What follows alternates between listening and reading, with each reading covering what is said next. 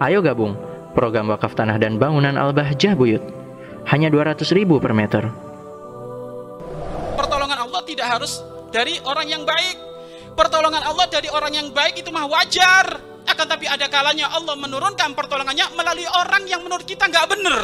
Tak taunya menjadi sebab pertolongan kita. Lalu kalau kayak gitu bagaimana sikap kita? Bersyukurlah engkau dalam keadaan kayak apa pun kalau memang ada jamaahmu kok belum pakai jilbab nggak masalah, bersyukur karena dia mau dengar. Pada waktunya nanti dia harus pakai jil, pakai jilbab. Paham? Jadi kadang Allah itu menurunkan pertolongannya bukan hanya kepada dari orang-orang baik saja, akan tapi kadang juga dari orang yang menurut kita nggak baik, jengkel, pakai tato, bawa botol minuman keras, tapi bisa jadi dari situ Allah memberikan pertolongan kepada kita. Sehingga ada satu cerita ini ada seorang kakek. Seorang kakek berjalan dari belanja di sebuah toko dia tertati-tati perjalanannya karena dia memakai tongkat sudah tua. Capek dia harus duduk ada di di satu tempat yang sudah disiapkan di depan toko tersebut. Ya kayak halte gitulah tempat itu. Tiba-tiba di saat dia duduk santai gitu tiba-tiba tongkatnya disandarkan ke tempat duduk takutnya jatuh tongkat itu jatuh gelundung gitu lah di balik sana ada seorang pemuda lagi makan ya makan makan cilok orang kali gitu loh.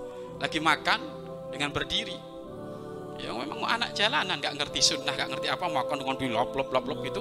Akhirnya sang kakek tadi ngomong, "Nak, punten bisa tol minta tolong ambilkan tongkatku." Oh, siap, Bah. Siap, Pak.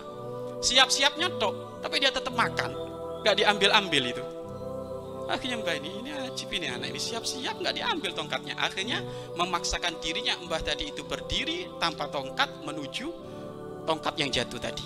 Di saat sudah nyampe kepada tongkat yang jatuh diambil dilalahnya masya Allah.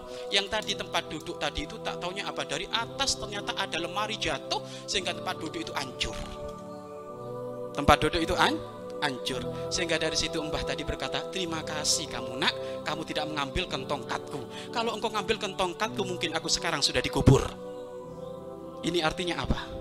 Kadang Allah mengirim pertolongan dengan orang yang menurut kita jengkel menjengkelkan. Maka dari sini bangun husnudonmu kepada siapa pun. Kadang itu kalau melihat orang bertato, waduh ini, kan gitu. Padahal bisa jadi dia menjadi pembela kita. Makanya orang yang sambung kepada Allah di dalam berdakwah, sambung kepada baginda Nabi Nabi Muhammad di dalam berdakwah, cara pandangnya luas. Cara pandangnya lu luas. Mari berinfak untuk operasional lembaga pengembangan dakwah Bahjah Buyut.